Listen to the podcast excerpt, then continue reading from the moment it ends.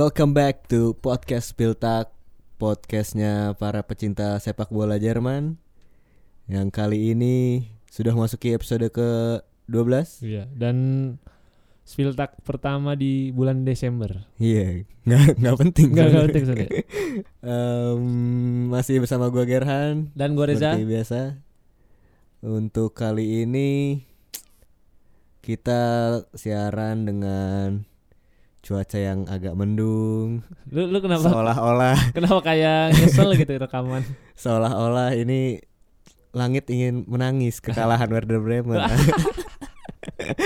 Werder Bremen dibantai. Enggak dibantai Dikalahin Bayern Munchen kemarin 2-1 Dan ini juga yang Kalau di kita bahas dikit uh, Spilta kemarin. Dortmund menang yang lainnya malah terjungkal. Iya. Ta- tapi gue ngebayangin kalau kemarin Bremen menang kayaknya lu bakal ngebahas Bremen 20 menit sendiri gitu. kan kalau gue menang gue pakai jersey Werder Bremen tadinya nih jadiin jadiin ini sekalian jadiin artworknya Eh ya eh, di episode kali ini seperti biasa masih ditemani dengan tiga segmen yang segmen ke satu eh, bahas seperti biasa bahas review di Spiltak ke 13 kemarin Iya. yang baru banget kelarnya tuh baru banget tadi malam sebenarnya Itu pertandingan Leverkusen Leverkusen kagak ada yang nyadar tapi nggak ada yang nyadar. Terus di segmen kedua ada apa aja? Ada Americans. Iya. Pemain-pemain Amerika yang akan eh pemain-pemain Amerika yang saat ini sedang bermain di Bundesliga. Jadi eh, trennya itu banyak banget pemain dari Jerman eh banyak banget pemain dari Amerika yang sekarang berkiprah di Bundesliga. Bahkan Benar, benar. tren ini udah berlangsung sejak 10 2 tahun yang lalu lah. Ya sebenarnya udah udah banyak udah nggak dulu sih nggak cukup banyak sih nggak sebanyak sekarang cuman trennya tuh baru mulai pesatnya kayaknya 2-3 tahun terakhir ya Sejak Pulisic. Iya sejak Pulisic sih sebenarnya ntar kita bahas lagi eh, lebih dalam terus di segmen ketiga kita bakal bahas tentang yang lagi rame juga sebenarnya adalah berakhirnya karir Arjen Robben di Bayern Munchen Iya. Jadi kita bakal ngebahas tentang robbery. Jadi perpisahan robbery ini Perpisahan setelah robbery. 10 tahun bersama akhirnya duet ro- robbery tahun ini terakhir kita bisa Hmm, nikmatin. Jadi langsung aja em, eh, beberapa pertandingan yang akan kita bahas di segmen satu ini ada apa aja? Pertama mungkin Mau dari yang paling menyedihkan dulu nih apa? dari yang menyedihkan dulu sih. Eh, dari yang Werder Bremen lawan Bayern Munchen dulu kali. Iya, menyedihkan buat Gerhan seorang tapi Iyalah ini ini kan kapan lagi Bayern Munchen lagi bapuk-bapuknya tapi nggak menang Werder Bremen nih. Tapi Bremennya kan lebih bapuk, Bos. ya si Dusseldorf emang kagak bapuk kemarin bisa seri. Di kandang Bayern lagi. Iya. Udah berapa gue lupa. Ini udah pertandingan keberapa Werder Bremen nggak pernah menang lawan Bayern Munchen tuh udah Oh pokoknya ada statistiknya tuh si Bayern Munchen tim di Bundesliga yang menang di tim kandang orang paling banyak tuh di Bayern Munchen eh di Werder Bremen ngerti nggak lu? Oh, jadi paling paling gampang itu kalau kalau tandang ke Bremen. Iya paling gampang ketandang ke Bremen. Eh, berarti udah berapa pertandingan nih? Winless run-nya si Bremen tambah Si panjang kan? berarti kalau dari lihat apa tuh kemarin gue lihat table ininya form table-nya udah 6 match nggak menang ini berarti nih. Salah, salah satu yang terburuk berarti ya sekarang Salah ya. satu terburuk sekarang. Tren-trennya kan bahkan kayak Stuttgart sempat menang, yang kayak si Nuremberg sempat menang. Malah Iya. Bremen nih bapuk Ya, banget. Bremen nih lagi bapuk nih. Kemarin kalah 2-1 yang mencetak gol itu ini juga bikin nyesek sih. Gnabry 2 gol sih. Gnabry cooking. kan. Gnabry 2 gol. nggak mau pas gol pertama nggak selebrasi. Gol kedua selebrasi dikit. Kecil gini Iya. cookingnya. Masaknya dikit. Ya. Masak apa tuh udah tuh? Masak sereal doang, sereal. Terus Eh, kalau dari Werder Bremen yang golin si Yuya. Osako.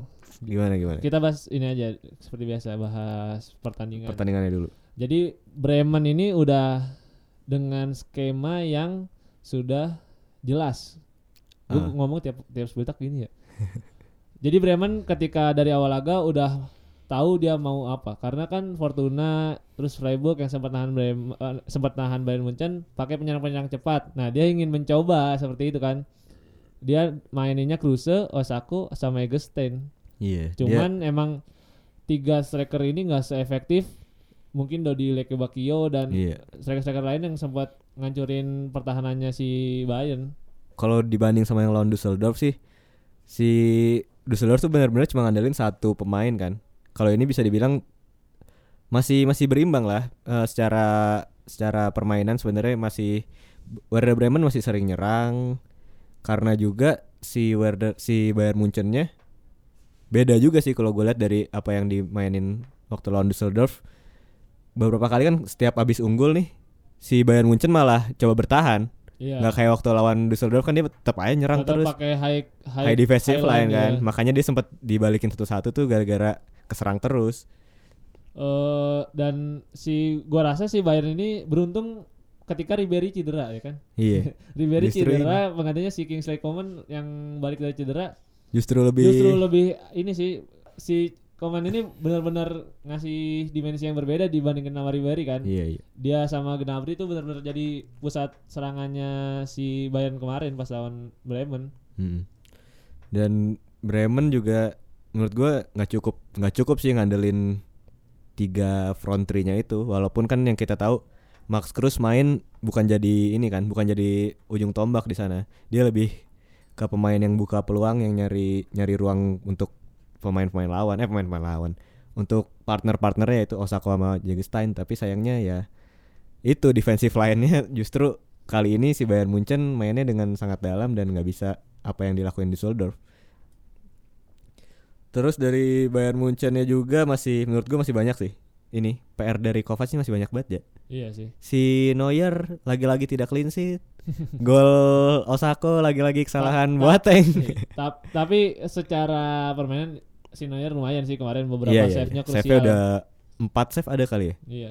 Dan dan ini juga sih. Si Lewandowski lagi-lagi Bapuk. bapuk. Nah, itu sama kayak lawan Lagi-lagi Portugal sih bapuk, depan-depan iya. gawang itu peluangnya kayak Seharusnya gitu. bisa lah 4 4 1 nih bisa menurut gua. Kalau Iya. Lewandowski bisa mengkonversi dua peluang di antara empat peluang emasnya itu. Cuma ya Pavlenka lagi bagus sih. Formnya juga lagi menaik kan sejak lawan Freiburg kemarin. Si Kovac juga yang menarik ini mulai secara rutin mainin Joshua Kimmich di gelandang Ah, iya, Nah, iya. sejak Rafinya balik dari cedera si Kimmich tuh ke gelandang dan gua rasa si Kimmich emang lebih bagus di gelandang sih. Hmm. Kayak passing-passingnya tuh sayang aja kalau misal cuman ditaruh sebagai bek kanan. Gua rasa Bayern Munchen harus beli bek kanan baru sih Hmm. kalau misal Kimmich pengen rutin di gelandang. Yang gol pertama Gnabry kan dari Kimmich ya, yang iya, umpannya itu itu. ngangkat-ngangkatnya bagus banget Iya. itu kayak Alex Song pas di Arsenal. Alexon ke Van Persie itu udah begitu dan ya selain itu gue juga mikir ini Gnabry juga emang udah saatnya untuk Naik dia ya. jadi tim inti sih dan dengan hengkangnya Robben di akhir musim udah dipastikan musim depan Gnabry jadi starter. Jadi Kofeld out. Kovel kan gue gue dari awal sebenarnya anti Kovel ini pelatih kagak jelas pelatih nggak ada nggak ada rekam jejaknya kan zaman dulunya cuma melatih di Werder Bremen 2 tapi ya ya tim kayak gini nggak tahu nggak ada yang Ju- mau latih jujur gua gua se- bukan sebagai fans Bremen kesel banget ketika kemarin ngeliat keputusannya Kofeld ganti pemain. Gua nggak nggak ngerti itu. Kenapa dia ngeganti Johannes Augustin? Ketika dalam keadaan tertinggal Johannes Augustin digantinya Kevin Mohwald kan gelandang ya berarti ngurangin striker. Terus tiba-tiba ngeganti Nuri Sahin sama Pizarro masukin striker lagi kenapa kagak Pizarro yang ngeganti awal kan gitu, gitu ya. ya dan maksudnya. dan kenapa nggak masukin pemain yang lebih kenceng gitu kan Milot Rasika Iya, yang lagi on form di. Kosovo kemarin dua gol satu assist ingat gue waktu pas UEFA Nations League kemarin. Cuma ya ya seperti itulah. Kayaknya ini nggak akan kelar kalau dibahas terus. kayaknya segera out sih. Kofeld gua rasa ini nggak nyampe 2019 lah. pertanyaan selanjutnya ada Dortmund Dortmund melawan Freiburg yang dimenangkan. Dortmund dengan skor 2-0 pertandingan yang sepertinya udah jaminan tiga poin sih Eh, bagi Dortmund. Walaupun eh ini kan di kandang Dortmund kan walaupun Freiburg kita tahu sendiri permainannya sangat negatif football Iya. Main 5 back kan. 5 back kemarin tuh dan dan setengah lapangan lihat walaupun gue nonton ya Gol statistiknya itu 65-35. iya 65 35 Cuman emang Freiburg pertahanannya solid sih. Maksudnya dengan ball possession 65% itu Borussia Dortmund cuman bisa dapat 4 shot on target berarti kan oh cuman eh 90 bagi ti- bagi 4 tuh berarti? Nggak tahu 45. Jadi cuman dapat satu target per 22 setengah menit. Jadi Hmm, cukup susah sih itu nembusnya kan apalagi Dan- gol gol dan- pertama Royce dari penalti. penalti dan itu juga ya ngelawan Sancho yang gerakannya seperti itu Iya, seperti sangat sulit sih. gelut kan. Dan gol keduanya juga kan dari skema Dari serangan skema balik serangan kan. balik benar-benar. Itu udah menit-menit akhir ya. Emang Freiburg secara eh, pendekatan secara taktikal udah, Udah bener. bener, Cuma ya emang kalah kelas aja kalah sih, kelas. kalah kelas. Bahkan si Christian Streich-nya di post match interview setelah pertandingan ini bilang kalau emang ya ini mustahil sih bagi kita untuk bisa meng, meng- apa menghentikan penyerangan Dortmund yang seperti itu kan. Lu lihat yang ini nggak yang Jadon Sancho gocek-gocek muter-muter itu. gitu. ya. Udah kayak Udah ke main FIFA Street kayak ombak pasar malam muter-muter. Udah ke main FIFA Street anjir. Yang di kotak penalti kan juga abis step over step, step over macam Luis Iya. Nani gitu kan. Set set set di tackle kena kaki. Em, dengan kemenangan ini juga Dortmund semakin kokoh di puncak karena lawan-lawan eh pesaing-pesaingnya pada keok juga kan. Dan Paco kembali merebut puncak gelar top skor kan. Bareng sama setelah- sekarang ya. setelah golin lagi-lagi dari substitusi kan. ini gua takutnya kan gini nih si Favre udah tahu nih ini orang kayak bagusnya abis jadi sub subs doang nih. jadi nggak akan Nggak pernah dimainin ya? selamanya ntar. nggak akan jadi starter selamanya. Bener-bener kayak di game aja. Kayak, kayak, kayak di film-film Kayak di film-film Subasa gitu kan Iya, yang yang iya, yang di masuk-masuk. dimasukin cuman buat jadi secret weapon kayak Hanamichi di awal-awal waktu slam dunk tau gak? dimasukin cuman buat akhir-akhir doang. Six man lah, six man kalau Six ya. man di basket ya. Eh, dan satu yang disorotin juga dan Axel Zagado tuh kemarin cedera. Hmm. Jadi yang main digantinya sama Omer Toprak. Gua nggak tahu Zagado sama Kanji bakal cedera seberapa lama. Cuman nih kalau tetap Toprak yang main inti bahaya juga buat Dortmund Iya, kan. bahaya bahaya. Ya nggak apa-apa asalkan jangan Sebastian Rode aja yang main. Aduh. Next eh, pertandingan selanjutnya ada apa nih enaknya? RBL BMG. LBL. Re Rasenball Leipzig melawan Borussia Mönchengladbach yang dimenangkan oleh Rasenball Leipzig dengan skor 2-0. Timo Werner menjadi eh, pengambil spotlight di pertandingan kali ini dengan dua gol. Dan Gladbach setelah dibahas kalah lu ya. iya ya kurang ajar orang. lu baru gua ngagungin lu. Ya, langsung belangsak ya. Si Gladbach jadi beda 7 poin setelah kekalahan ini. Peringkat Iya. duanya masih Gladbach tapi kan. Masih dia. Iya. Soalnya Frankfurt kalah, Kalah juga. Eh s- gua gimana gimana? ini kan gue udah beberapa kali bilang si Ralf Rangnick ini salah satu pelatih favorit gue di Bundesliga karena emang gue seneng aja ngeliat ada pelatih yang bener-bener bermain dengan taktik bunglon kan Hmm. kayak kemarin itu yang gue sorotin di gelandangnya RBL kan si RBL itu mainin Sabitzer, Kevin Campbell, Diego Deme sama Bruma. Jadi empat empatnya itu pemain yang punya daya jelajah tinggi. Sedangkan si Gladbach itu cuman masang Denis Zakaria, Neuhaus, nah Tobias Strobel kan mundur ke belakang. Jadi empat lawan dua di tengahnya itu bener-bener nguasain banget si Leipzig. Hmm. eh yang gua terus si Ralf Rangnick itu juga tahu dia ketika udah menang 2-0 si Campbell yang lebih menyerang diganti sama eh si ini dulu Bruma diganti sama Konrad Leimer si Kevin Campbell diganti sama Stefan Ilsanker jadi emang kedalaman squad di gelandangnya juga Iya. dalam banget Ngeri, ngeri. Dan iya sih pelatih-pelatih kayak gini tuh sebenarnya pelatih yang eh menurut gua Underrated ya. sangat-sangat didambakan oleh pada para fans kan. Kalau Iya. fans kan biasanya pada komentar di di Twitter gini, "Woi, ganti ini, ganti itu." Dan si Ralf Rangnick nih salah satu pema- eh, pelatih yang berpikir kayak gitu sih, cep- cepat untuk decision making itu cepat. Punya plan B yang jelas gitu. Eh, nggak nggak kayak ini sih. Jurgen Klopp, nggak kayak Jurgen Klopp. yang gantinya di 80 menit ya. Iya, ganti menit segitu. Gladbach juga tapi secara offense juga nggak nggak nggak jelek Nggak- jelek jelek amat oh, kan jelek. cuman emang emang si Playa bukan harinya lah Bukan harinya. bukan harinya Dan gol-gol dari RBL juga dari kesalahan Gladbach ya. Gue nonton yang gol ininya doang sih, gol gol kedua yang digocek tuh si Paulsen. Paulsen ngegocek kiper terus ngoper ke Werner kan. Itu kalau nggak salah juga lagi transisi mau nyerang kan Hilang si Gladbach ya. Hilang bola di tengah. Backnya lagi pada mau naik, tiba-tiba kes- keserang sama kecepatannya Werner dan Paulsen ini. Em, lanjut ada pertandingan yang juga menjadi saingan di papan atas bersama Gladbach dan Rasenball. Ini adalah Eintracht Frankfurt melawan Wolfsburg. Terjungkal. Terjungkal di kandang sendiri padahal, tapi secara pertandingan sebenarnya imbang sih menurut gua. Bah bahkan gua rasa lebih bagus Frankfurt Iya, secara, secara permainan. Secara permainan lebih bagus. Cuman emang lagi Castells ba- bagus banget mainnya kemarin. Dan Lu lu lihat gol yang ke dua Wolfsburg itu dari Castells, dari ya- yang, yang si Re- Rex Becaj ya.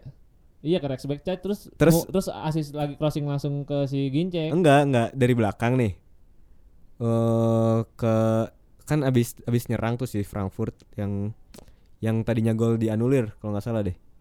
Iya yang yang golnya Ah. si Jovic apa si Da Rebic ya? Oh si ini si Rebic Rebic ya? yang Da Costanya offside. Abis itu Castells ngambil ngambil free kick ditendang ke depan langsung nggak tahu ke Rex Becet atau Terus siapa. Becaj yang, Terus yang ngoper ke kiri. Ginczek kan, Iya. langsung ke Ginczek langsung masuk. Itu apes banget sih baru menit 60 lagi kan udah udah udah kalah 2-0 dan setelah itu Wolfsburg malah mainnya makin makin defense. Dan yang nyetak gol pertama juga Admir Mehmedi ya kan. Admir Baru, Mehmedi. baru, baru main lagi nih. Ngegantiin posisinya Josip Brekalo yang digeser ke bangku cadangan. Oh. Si dan beberapa kali juga komentator di pertandingan ini kan bilang kayak si Eintracht Frankfurt nih unlucky lah ibaratnya Apes aja ya? apes apes banget. Soalnya kalau lu juga nonton nih pertandingannya Wolfsburg jelek. Jadi kayak beberapa kali si Kostis masuk, Gacinovic masuk. Jadi emang longgar banget cuman apesnya si Jovic, si Haller beberapa kali kena tiang atau mungkin ketepis. Jadi Iya, emang emang Kun emang- juga lagi ini sih. ngegolin offset ya kan. Iya.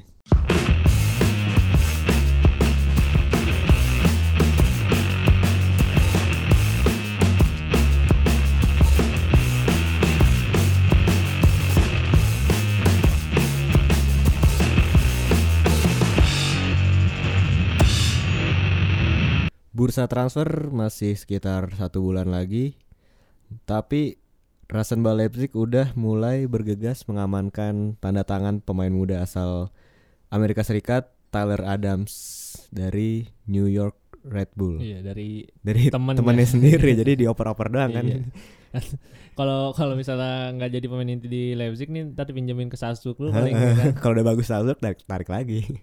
Dan kepindahan si Tyler Adams yang masih umur 19 tahun ini juga lagi-lagi meramaikan ka- kiprah kiprah pemain Amerika yang ada di Bundesliga nih. Setelah kemarin kan minggu lalu Haji Wright debut di Oh iya, Bundesliga. Haji Wright baru debut. dan kemarin bah- bahkan starting kan ngegantiin di Santo kan. Eh, dan karena momentum itu kita jadi di segmen 2 ini terpaksa sih. Iya. terpaksa akan membahas Terilhami. terilhami. Terpaksa. Sebenarnya kan kita pengen bahas ini pas Joe Sargent debut sebenarnya. Iya tapi tapi kagak Josh debut Sargent nggak debut debut emang Kofeld Kofeld Eh, jadi em, emang udah jadi mulai trennya trennya tuh sejak eh 2016-an lah ya kira-kira masih baru sebenarnya tren-tren pemain Amerika yang pindah ke Bundesliga ini Iya, khususnya pemain muda kan Bias- biasanya Heeh. pindahnya itu kalau udah main di Eropa di mana gitu di Belgia atau Iya, di mana di- baru baru di, ke Jer- di ke Belanda Jerman gitu ya. kan. Ini perkembangannya juga pesat banget sih kalau dari eh, fakta yang gue baca tadi, data yang gue baca tadi tuh. Jadi di tahun 2017 waktu lawan Amerika lawan Trinidad Tobago tuh yang kualifikasi terakhirnya yang kalah jadi nggak masuk Iya, World Cup World Cup. itu cuma ada tiga pemain yang main di Eropa pada starting eleven waktu itu eh starting eleven ya pokoknya 14 pemain yang waktu main di situ kan ada tiga substitusi cuma ada tiga pemain yang main yang main di Eropa jadi itu cuma ada Andre Yedlin terus Pulisic sama Bobby Wood nah pasca pasca pertandingan itu kan di pertandingan kemarin yang terbaru lawan Inggris itu ada enam pemain yang main di Jerman doang Jerman bahkan doang ini ya? Jerman doang itu ada Pulisic Bobby Wood, terus Bobby Wood Weston McKennie. Weston McKennie si Julian Green sama John Brooks jadi ini menurut gua ya mungkin salah satu kegagalannya Amerika di World Cup kemarin itu yang menjadi trigger para pemain-pemain muda ini mungkin ini sih mulai berani pindah. Dan dan emang Amerika Serikatnya sendiri emang lagi pemain mudanya lagi bagus-bagus nih kan. Hmm. dia main di Piala Dunia U17 Piala Dunia U20 juga lagi bagus. Emang eh, generasi ini kan generasi yang disiapkan ketika nanti mereka jadi tuan rumah Piala Dunia. Jadi emang uh, harusnya sih dari sekarang udah Ah, mulai kelihatan nih bener, siapa bener, aja nih bener, yang bakal bener. naik Jadi begitu dia jadi tuan rumah itu pemain udah matang semua, udah udah kualitas Eropa lah. Kan selama ini bisa dibilang timnas Amerika masih jauh banget sih di bawah. Bahkan di bawah mungkin pantarannya mungkin sama Skotlandia gitu-gitu kali ya. Timnas Amerika. Gak tahu sih. Eh, terus di Bundesliga sendiri juga ada berapa nih, Ja? Sejauh ini, Ja? Yang kita amati nih. Su- susah sih kalau dibilang ada berapa kan ya kayak Tapi yang- kayak yang- kayak Joe Sargent aja kan maksudnya belum termasuk pemain Uh-uh. Bundesliga kan belum debut Iya, iya, iya. Cuman kalau lu bilang ada berapa, ada belasan sih kalau misalnya untuk di Bundesliga dan tim reserve-nya. Paling langsung aja sih kita biar biar pendengar Ini- pada tahu, Iya pasti sih. udah pada tahu sih. Cuman kita sebutin aja jadi jangan-jangan ada yang kalian nggak tahu kalau ini pemain Amerika Serikat Ya kan. ini jadi jadi sebagai gambaran aja sih kalau Bundesliga tuh jadi tempat ininya sih, tempat breedingnya para Hmm. pemain muda Amerika zaman sekarang. Rumah kedua lah. Rumah kedua. Ada yang dari yang mungkin nggak terkenal terkenal dulu lah ya. Hmm. Ada Timothy Chandler. Mati Chandler. Frankfurt kan udah nggak pernah main udah rada tua juga si Caleb Stanko yang main di Freiburg juga nggak terlalu sering main. Alfredo Morales di Fortuna Düsseldorf. Dia tuh Akademi Hertha juga kalau nggak salah. Si Morales. Akademi Hertha main di Ingolstadt berapa tahun musim ini balik main di Bundesliga sama Fortuna Düsseldorf. Nah mulai terkenal nih. Eh nggak terkenal juga sih. Aaron Johansson terkenal nggak ya? Aaron Johansson. Terkenal, terkenal. Eh, Kan dia sempat jadi ini, top scorer ini Eredivisie. Iya benar sih. Eh, terus ada yang rada tua juga Bobby Wood. Bobby Wood. Ini salah satu lumayan karirnya panjang sih kan di Bundes di Bundesliga juga Bobby Wood. Ada lagi John Brooks. John Brooks. John Brooks nih salah satu dulu fenomenal banget sih pas dia masih muda tuh. Iya, iya. Pas masih muda back tengah Dengan- salah satu back tengah terbaik back muda terbaik di Bundesliga. Tapi karirnya gitu-gitu aja. Enggak sih, menurut gue udah lumayan sih dengan pindah ke Wolfsburg. Kan tadi dianggapnya Hertha Berlin tuh masih di bawahnya Wolfsburg kalau waktu dia pindah Iya dulu sih. kan zamannya De Bruyne. Ada Draxler ya ada kan. Draxler, tapi sekarang nggak tahu ya, caur. Rex Becaj sekarang. Fabian Johnson. Fabian, Fabian Johnson. Johnson. Ini ini yang ini ya dulunya dia pemain Jerman. Iya sempat main di Ah, timnas tim Jerman muda. junior. Eh, dan sekarang jadi inilah squad playernya si Borussia Mönchengladbach. Kadang main, kadang enggak. Iya. Masih important lah. Nah berikutnya nih kita mulai masuk ke pemain-pemain yang muda, pemain-pemain new generation lah, gelombang-gelombang baru nih. Eh, ada Jonathan Klinsmann, anaknya Jurgen Klinsmann yang eh, udah dipanggil timnas Amerika Serikat juga. Sekarang masih di Hertha 2 lah, belum belum belum dapat kesempatan lagi di tim utama.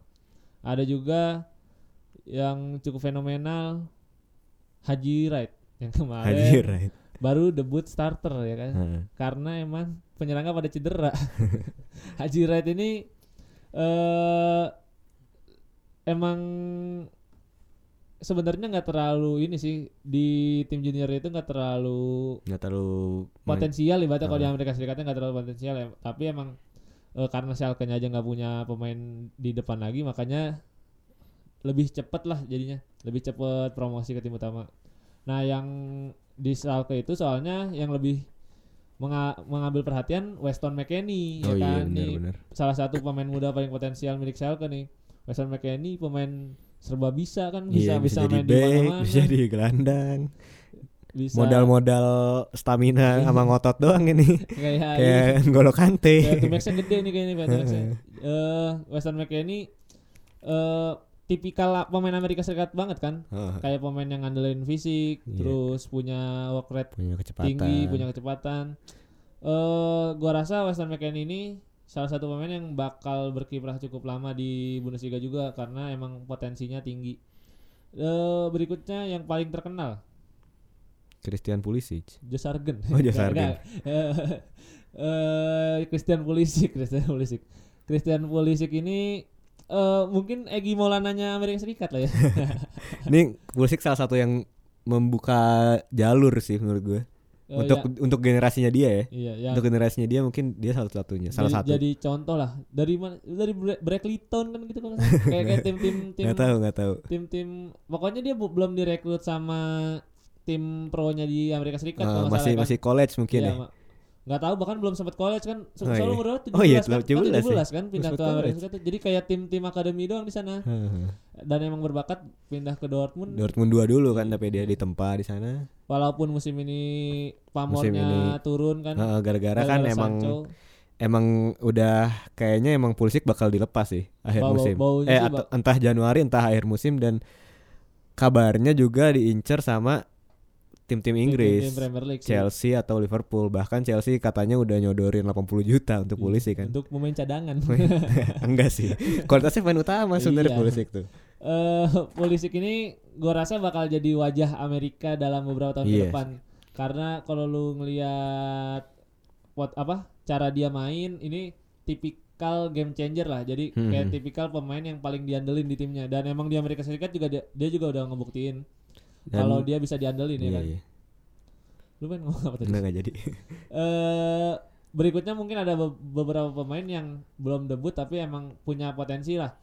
Josh Argen. Josh kayak ini pemain yang selalu kita gadang-gadang bakal ini bagus ini. eh, soalnya kenapa? Karena salah satu dia dia jadi talenta yang paling ini sih paling di mungkin ditunggu-tunggu sama warga Amerika. Kan dia umur 17 tahun waktu masih umur 17 tahun udah main untuk U20 dan dan dia di top scorer kerennya juga 18 tahun juga udah masuk timnas senior ya kan. Heeh, langsung golin debut Eh, ini dia kalau nggak salah tahun kemarin ini main Piala Dunia U17 sama Piala Dunia U20 di tahun yang sama.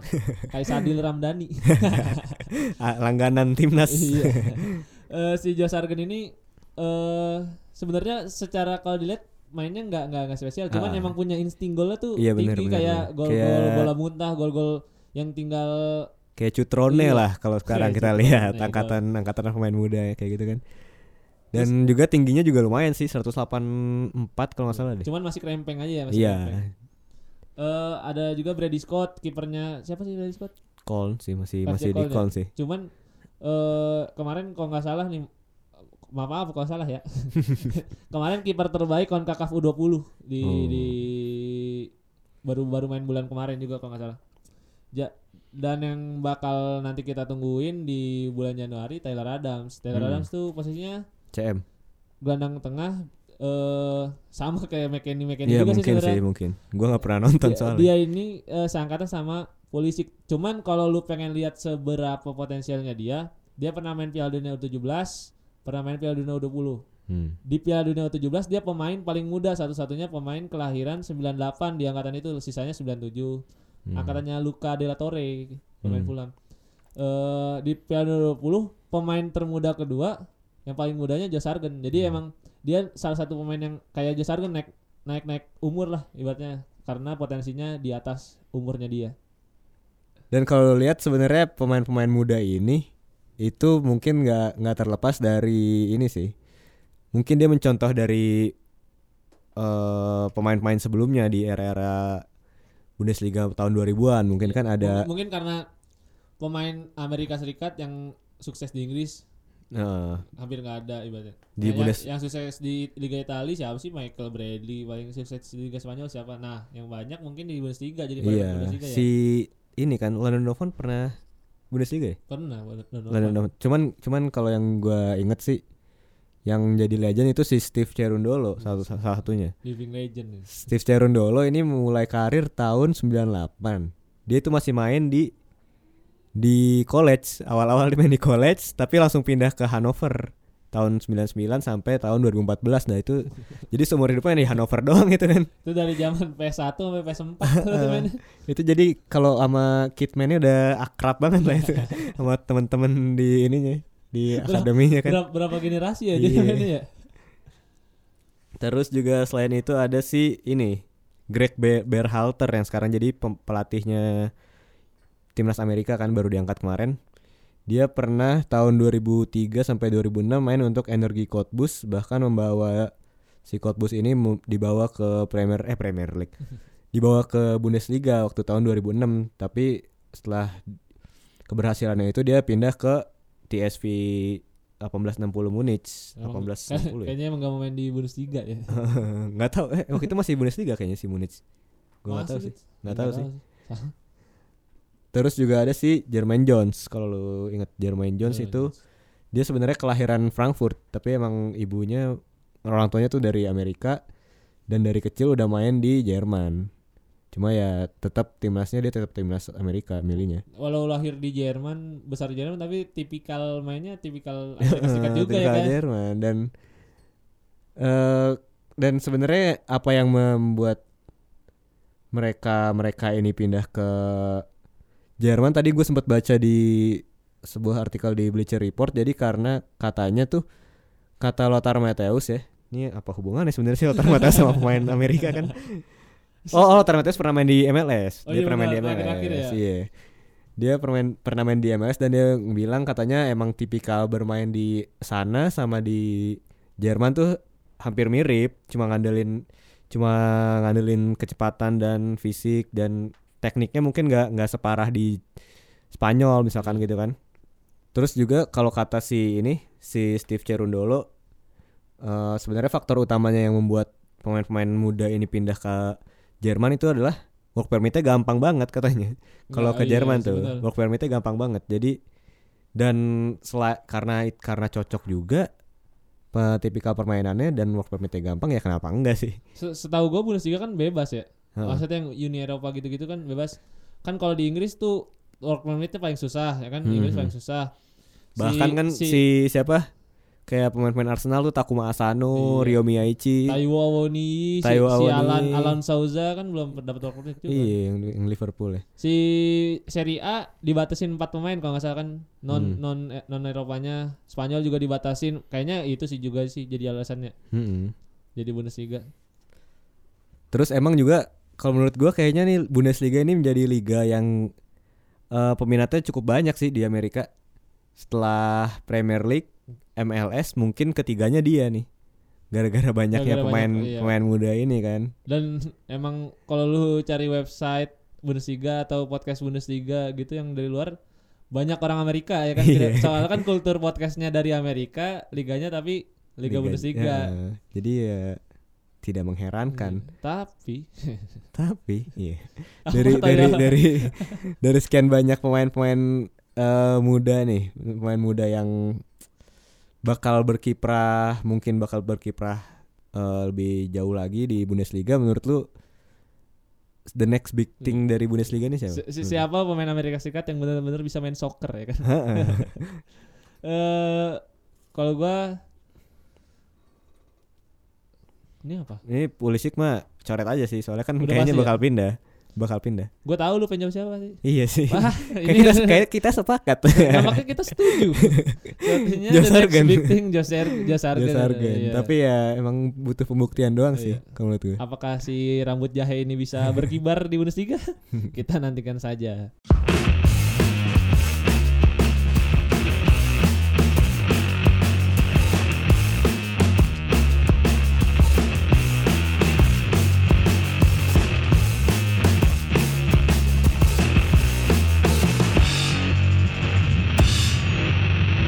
...29 Agustus 2009 jadi hari yang bersejarah bagi dunia ini. karena karena Apaan banget pada hari itu duet robbery tercipta. Eh, jadi pada 29 Agustus 2009 Bayern Munchen menang 3-0 atas Wolfsburg setelah di tiga laga awal itu satu kali kalah, dua kali seri peringkat 14 waktu itu. Datanglah penyelamat yang didatangkan dari Real Madrid masuk sebagai pengganti Arjen Robben masuk kala itu. Jadi Robben dan Ribery eh, pada laga itu Mulai- menjadi langsung si Iya. Ribery itu langsung ngasih asis ke Robben. Jadi Mulai- setelah laga itu langsung mulai tumbuh benih-benih benih-benih cinta. Eh, langsung setelah pertandingan itu muncullah istilah robbery untuk Hmm. menamakan duet Robben dan Ribery ini. yang karena kecepatannya juga seperti Seperti- maling, seperti rampok seperti perampokan kepada pertahanan-pertahanan lawan gitu. Se- Secepat kilat. memberikan teror-teror mengerikan. tapi tapi kalau dulu kayak perampok nih, sekarang berarti kalau dia ngerampok ketangkep mulu kali ya. Udah pada pelan ya kan. dan dan emang mukanya juga ngeri ngeri kan kalau lihat Iya, Ribery kan itu kayak ada ada ininya kan ada Bekas lukanya kayak codetnya gitu habis dibegal di Depok sama geng Jepang itu jembatan Mampang kalau Robin kan emang dari dulu botak gitu kan Iya, muka-muka kayak makelar, perampok eh perampok perompak Eh, jadi sebenarnya kan Ribery ini datangnya ke Bayern tahun 2007 ya kan. Hmm. Eh, setelah gagal ya ini di Madrid gagal gak sih hitungannya Ribery, Ribery. oh Ribery Ribery datang kan 2007 dengan cap sebagai anak anak muda nakal ya kan. Heeh. Dia, dia pindah dari Galatasaray ke Marseille kan ten- sempat kontroversi, terus karirnya di Marseille sempat kontroversi. Datang sebagai cap anak nakal, si Robben datang dari Madrid, sempat gagal di Madrid, padahal di Groningen sangat di Chelsea juga dia Groningen lumayan sama sih. Chelsea lumayan. Di Madrid eh, Caur. karirnya caur. Di eh, dat- datang ke Bayern sebagai cap pemain potensial yang karirnya hancur karena cedera. Jadi Hmm. dua-duanya nih datang dengan sebenarnya dengan cap yang tidak baik sih ke Bayern. Cuman keduanya bisa membuktikan diri di Bayern makanya karirnya dua-duanya bisa panjang lah di Bayern Dan si Robin si Robin ini waktu pas di Madrid juga apa termasuk generasi gagalnya Madrid waktu itu kan yang zaman-zaman beli Iya. pemain Belanda semua tuh Huntelaar. Van der Vaart, Rostron Drenthe Royston Drenthe, legend. Kalau Ribery itu datang dari Marseille. Marseille Dari Marseille eh kenapa dia dicap sebagai anak nakal? Gue gak tahu sih. dia dia kan banyak masalah sih Oh iya. kayak kayak ke dia di Galatasaray itu kalau salah cuma enam bulan ke Galatasaray dari match ke Galatasaray enam bulan minta langsung pindah ke Marseille Oh, dia nggak nggak bertahan ya, nggak bertahan juga kayaknya nggak bertahan pas di Gala uh Gala kan supporter begitu loh Iya. Tapi kayaknya setelah bertemu istrinya dia berubah jadi Islam ya kan. jadi kalem orangnya. Dan di Bayern Munchen juga jadi ini sih, jadi ya kita tahu semua seperti apa Ribery di sana. iya dah dan duet ini secara prestasi kan gokil parah kan Gokil parah. selama 10 tahun bareng aja nih 10 tahun bareng tahun ini 10 tahun kan Hmm, tahun ini tahun 10. eh udah 8 Bundesliga, 4 DFB Pokal, 1 Liga Champions ya kan. Ngeri juga. Eh sebenarnya lu nikmatin nikmatin gak sih duet Robert ini kan? Nikmatin lah gue gue pernah dukung Bayern Munchen dulu. Gue pernah dukung Bayern Munchen zamannya si Van Oh, Buiten. iya. zamannya Anatoly Timoscu, Edson Bravheit itu itu keren banget sih gue. Gue Edson Edson- Blackman aja gitu keren. eh ini siapa? Eh back kirinya tuh Daniel Pranjic. Breno ya Breno. Breno nggak main. Kiper masih kipernya Hans Jorg. Jadi Hansa Kut. Itu emang gua gua menikmati banget sih pertandingan eh permainannya Bayern Munchen karena waktu itu juga ngalahin Manchester United kan di di Champions League seingat gua sempat Iya. ngalahin. Yang golnya golnya Robin tuh gue ingat yang dari corner. Itu lawan Di- MU, lawan MU. Nah iya itu yang lawan MU. Itu itu canggih Itu banget. keren tuh banget dari corner langsung di volley. Di volley kaki kiri tuh. Itu salah satu momen-momen Momen-momen pertama kali bukan pertama kali sih. Momen-momen Pertama kali gua kepincut Robin lah bisa dibilang. momen-momen terbaiknya Robbery lah itu. Iya, walaupun gue udah tahu Oh. Robin dari lama sebenarnya. Terus kayak eh, yang momen final lawan Dortmund Iya, ya kan yang yang asisnya. Ribery ke Robben juga kan Iya. itu itu salah satu momen terbaiknya Ribery terus kayak ada yang golan Hoffenheim sih kalau gol paling bagus yang asis asis dua ini Hmm. Robben crossing eh Ribery crossing Robben kontrol di luar kotak penalti langsung flashing ala Robben. Dan semua sudah tahu apa yang terjadi di akhirnya kan kalau Robben udah menusuk ke kiri. Eh gua rasa buat kalian harus nikmatin sih ini sebagai musim terakhirnya Robbery. Kalian harus nikmatin karena eh Robbery ini nggak nggak selalu bisa main bareng. Jadi kayak musim ini aja kan si Ribery cedera eh Robben main Robert pas Ribery-nya sembuh Robben yang cedera jadi kayak sebenarnya dari si Robben Ribery ini berpeluang main bareng itu 299 pertandingan tapi Hmm. cuman bisa main di 109 pertandingan barengnya. Jadi kayak sekitar 40 persen, 35 persen gitu kan. Cuman kalau Robben sama Ribery main bareng, presentasi menangnya gede banget, Ger. Hmm. Eh, presentasi menangnya itu delap, dari 109 kali main, 85 kali menang, 78 persen. Padahal personal rekornya si Robben itu sama Bayern 77 persen menang kalau dia main. Kalau si Ribery cuman 74 persen. Jadi emang duet ini eh kan sekarang nih fans Bayern sering ngejelek-jelekin Robben sama Ribery. Hmm. eh walaupun sekarang mungkin jelek tapi ya lu harus ngakuin Robben sama Ribery ini eh sangat berpengaruh dalam Iya, gelar-gelar yang diraih di 10 tahun Dan- belakangan ini sih. Dan bahkan Robin ini kemarin gue baca di opininya siapa gue lupa di Dos Doswelle.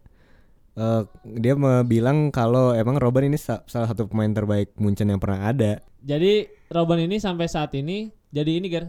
Jadi Hmm. gelandang dengan presentasi gol terbaik di Bundesliga sepanjang masa. Kan emang dia pas gacor-gacor tuh yang berapa belas gol kan? Iya, iya. Emang yang nekuk kiri syuting nekuk kiri Iya. syuting golin mulu ya kan. Emang sa- jadi gelandang tersubur di Bundesliga. Dan pemain-pemain kayak gini tuh gue rasa sangat langka sih pemain yang bisa bertahan dengan satu cara main kan gitu kan.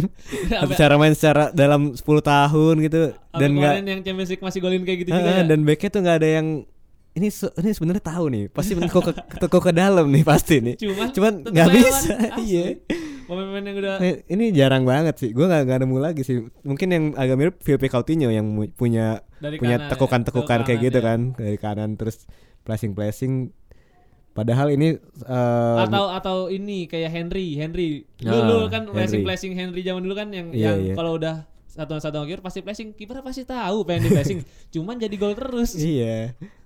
Padahal kan eh, apa teknik-teknik seperti ini kan bisa sangat bisa dipelajari. Ini sih kalau lu mungkin intensif banget berlatihnya sangat sangat mungkin. Karena Coutinho itu waktu awal-awal belum main kayak gitu kan. Iya, iya. Dua- begitu di dua dua, musim terakhir baru- dua musim terakhirnya di Liverpool baru main kayak gitu. Dan iya gue heran aja sih. Heran. heran aja kayak pemain zaman sekarang eh ya harusnya bisa lah. Mungkin kalau ada yang terinspirasi dengan Robin gitu kan. Eh, terus Robben dan Ribery ini kan secara apa ya kalau dilihat dari luar gitu kayak teman akrab. Nah, Nah, padahal si Robin si Ribery ini ngaku kalau ketika Robin ketika Robin pertama kali datang mereka nggak akur. Bahkan kan yang terkenalnya itu Ribery temannya si Alaba, ya kan? Hmm. Yang yang Oh, temannya iya, iya. ya kan terkenalnya. maaf Vidal Vidal Eh, si Ribery ini sempat ngak apa bilang ke pers dia sempat berantem sama Robin pas ngambil tendangan bebas. Jadi Hmm. tendangan bebasnya ini tendangan bebas buat kaki kanan. Sa yang nendang, yang nendangnya itu antara Ribery sama Toni Kroos. Robin dateng bilang, "Udah Toni Kroos aja yang ngambil."